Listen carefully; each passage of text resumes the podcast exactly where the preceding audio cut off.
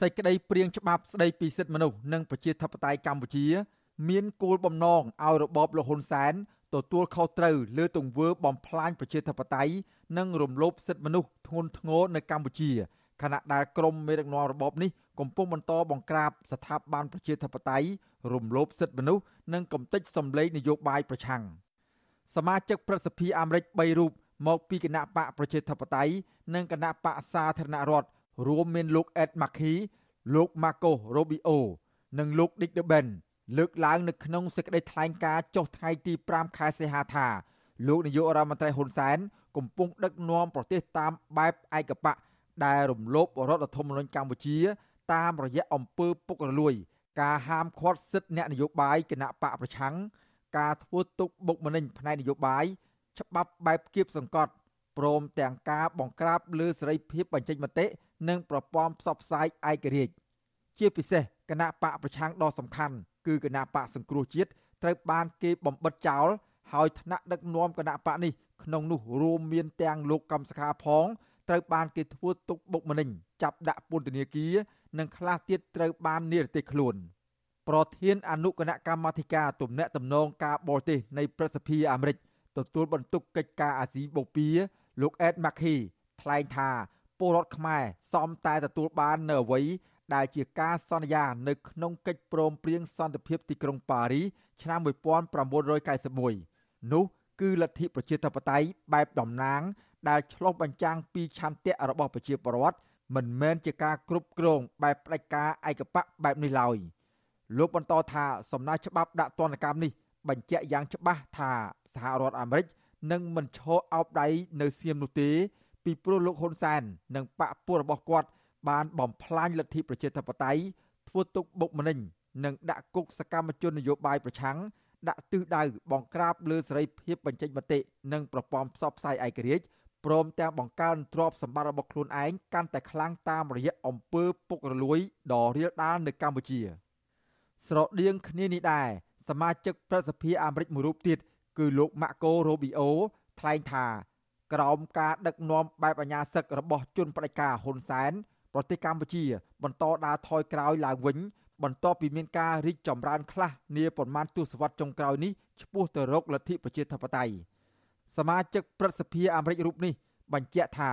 លោកមានមោទនភាពដែលបានចូលរួមដឹកនាំនៅក្នុងកិច្ចខិតខំប្រឹងប្រែងកន្លងមក របស់សមាជិកសភាទាំងពីរគណៈបកដើម្បីធ្វើឲ្យលោកហ៊ុនសែន ត្រូវតែទទួលខុសត្រូវចំពោះការបង្ក្រាបលើគូប្រជែងនយោបាយ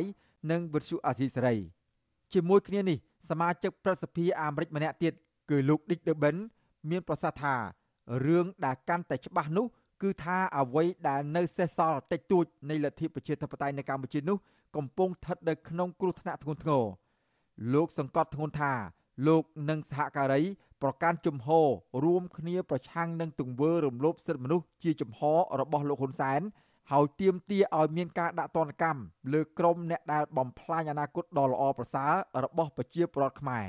ប្រសិនបើចូលជាធរមានច្បាប់នេះនឹងបើកផ្លូវឲ្យសហរដ្ឋអាមេរិកដាក់ទណ្ឌកម្មលោកហ៊ុនសែន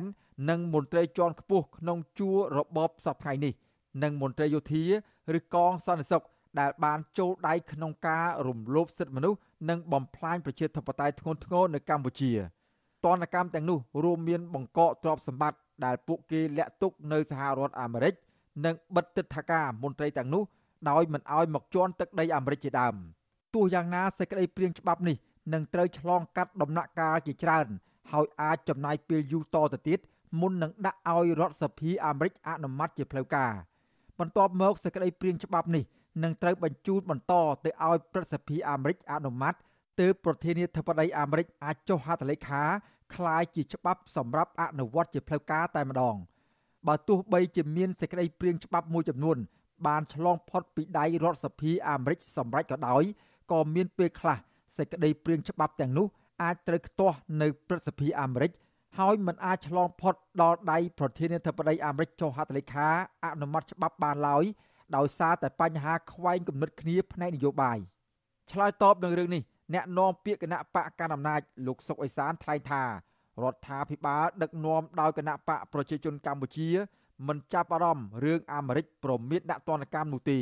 ព្រោះជាការលើកឡើងដដែលៗជាយូរមកហើយលោកបន្តថារដ្ឋាភិបាលកម្ពុជាគ្មានភាពចាំបាច់ងាកទៅរកលទ្ធិប្រជាធិបតេយ្យឯណានោះទៀតទេ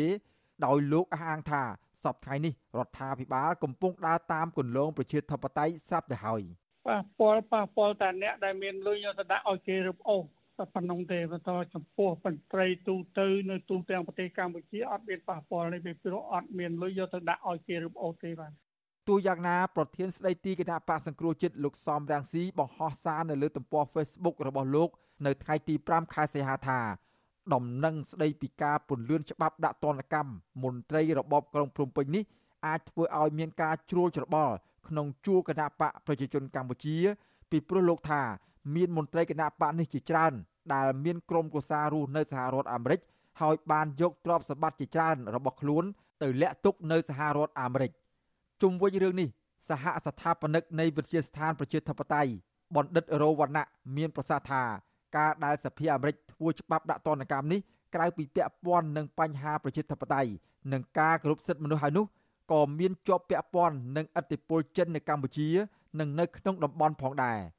លោកជឿថាសេចក្តីព្រាងច្បាប់ដាក់ទណ្ឌកម្មនេះអាចនឹងត្រូវបានអនុម័តនិងចូលជាផ្លូវការប្រសិនបើរដ្ឋាភិបាលកម្ពុជា នៅតែមិនធ្វើឲ្យមានប្រក្រតីភាពនៃលទ្ធិប្រជាធិបតេយ្យនិងការគោរពសិទ្ធិមនុស្សព្រមទាំងមិនប្រកាន់យកគោលនយោបាយអព្យាក្រឹត ស្របតាមកិច្ចព្រមព្រៀងសន្តិភាពទីក្រុងប៉ារីសនោះទេ សហរដ្ឋអាមេរិកយល់ឃើញថាការដាក់ទណ្ឌកម្មទៅលើប្រទេសវាធ្វើឲ្យប៉ះពាល់ទៅលើកម្រិតជីវភាពរស់នៅរបស់ប្រជាពលរដ្ឋជាជាងប៉ះពាល់ទៅលើមេដឹកនាំប្រទេសព្រោះយើងដឹងថាមេដឹកនាំប្រទេសគាត់មានលទ្ធភាពក្នុងការរស់នៅក្នុងការដាក់ទណ្ឌកម្មនេះរាប់ទសវត្សរ៍អញ្ចឹងហើយបានជាជាច្រើនច្បាប់ក្រោយៗនេះគេធ្វើកម្រិតទៅលើបុគ្គលវិញអញ្ចឹងបុគ្គលដែលទទួលរងការដាក់ទណ្ឌកម្មហ្នឹងគេដឹងហើយទី1គឺខូចមុខមាត់ខូចកេរ្តិ៍ឈ្មោះរបស់ខ្លួនទៅលើឆាកអន្តរជាតិទី2មុខមាត់របស់បុគ្គលមុខមាត់របស់ប្រទេសលើឆាកអន្តរជាតិត្រូវបានគេមើលស្រាពេលជ្រែកថាជាប្រទេសរំលោភសិទ្ធិនោះនិងប្រជាតៃហើយទី2គឺផាសពតទៅនឹងហិរញ្ញវត្ថុរបស់បុគ្គលដែរដោយសារតែយើងដឹងថាការធ្វើចរាចរណ៍លុយស្ថិតនៅក្នុងក្របខ័ណ្ឌប្រព័ន្ធរូបិយវត្ថុដុល្លារអន្តរជាតិគឺត្រូវបានសហរដ្ឋអាមេរិកច្បាស់ជាបកកឬទប់ស្កាត់ទោះជាសេចក្តីព្រាងច្បាប់ដាក់ទណ្ឌកម្មរបបលោកហ៊ុនសែនមិនទាន់ចូលជាធរមានក៏ដោយក៏សហរដ្ឋអាមេរិកបានដាក់ទណ្ឌកម្មលើមន្ត្រីក្រាក់ក្រាក់និងមនុស្សជំនិតរបស់លោកហ៊ុនសែនជាហូហែមកហើយដោយប្រើប្រាស់ច្បាប់សកល Global Magnitsky Act អ្នកទាំងនោះរួមមានមេកងអង្គរៈលោកហ៊ុនសែនលោកហ៊ីងប៊ុនហៀងអនុប្រធានទី1គណៈកម្មាធិការជាតិគ្រប់គ្រងគ្រោះមហន្តរាយលោកគុណគឹមនិងសមាជិកគ្រួសារ3នាក់ទៀតព្រមទាំងមេឈ្មោះឈើដ៏ធំនៅស្រុកខ្មែរគឺលោកទ្រីភិបនិងក្រុមហ៊ុនរបស់លោកសហរដ្ឋអាមេរិកក៏ប្រើច្បាប់ដដែលនេះដើម្បីដាក់ទណ្ឌកម្មលើក្រុមហ៊ុនរដ្ឋចិន UDG នៅខេត្តកោះកុងផងដែរ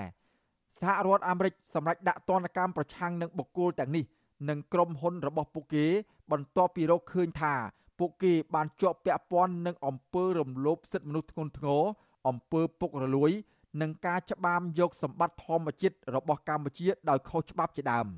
ខ្ញុំបាទសេកបណ្ឌិតវិទ្យុអាស៊ីសេរីពីរដ្ឋធានីវ៉ាស៊ីនតោន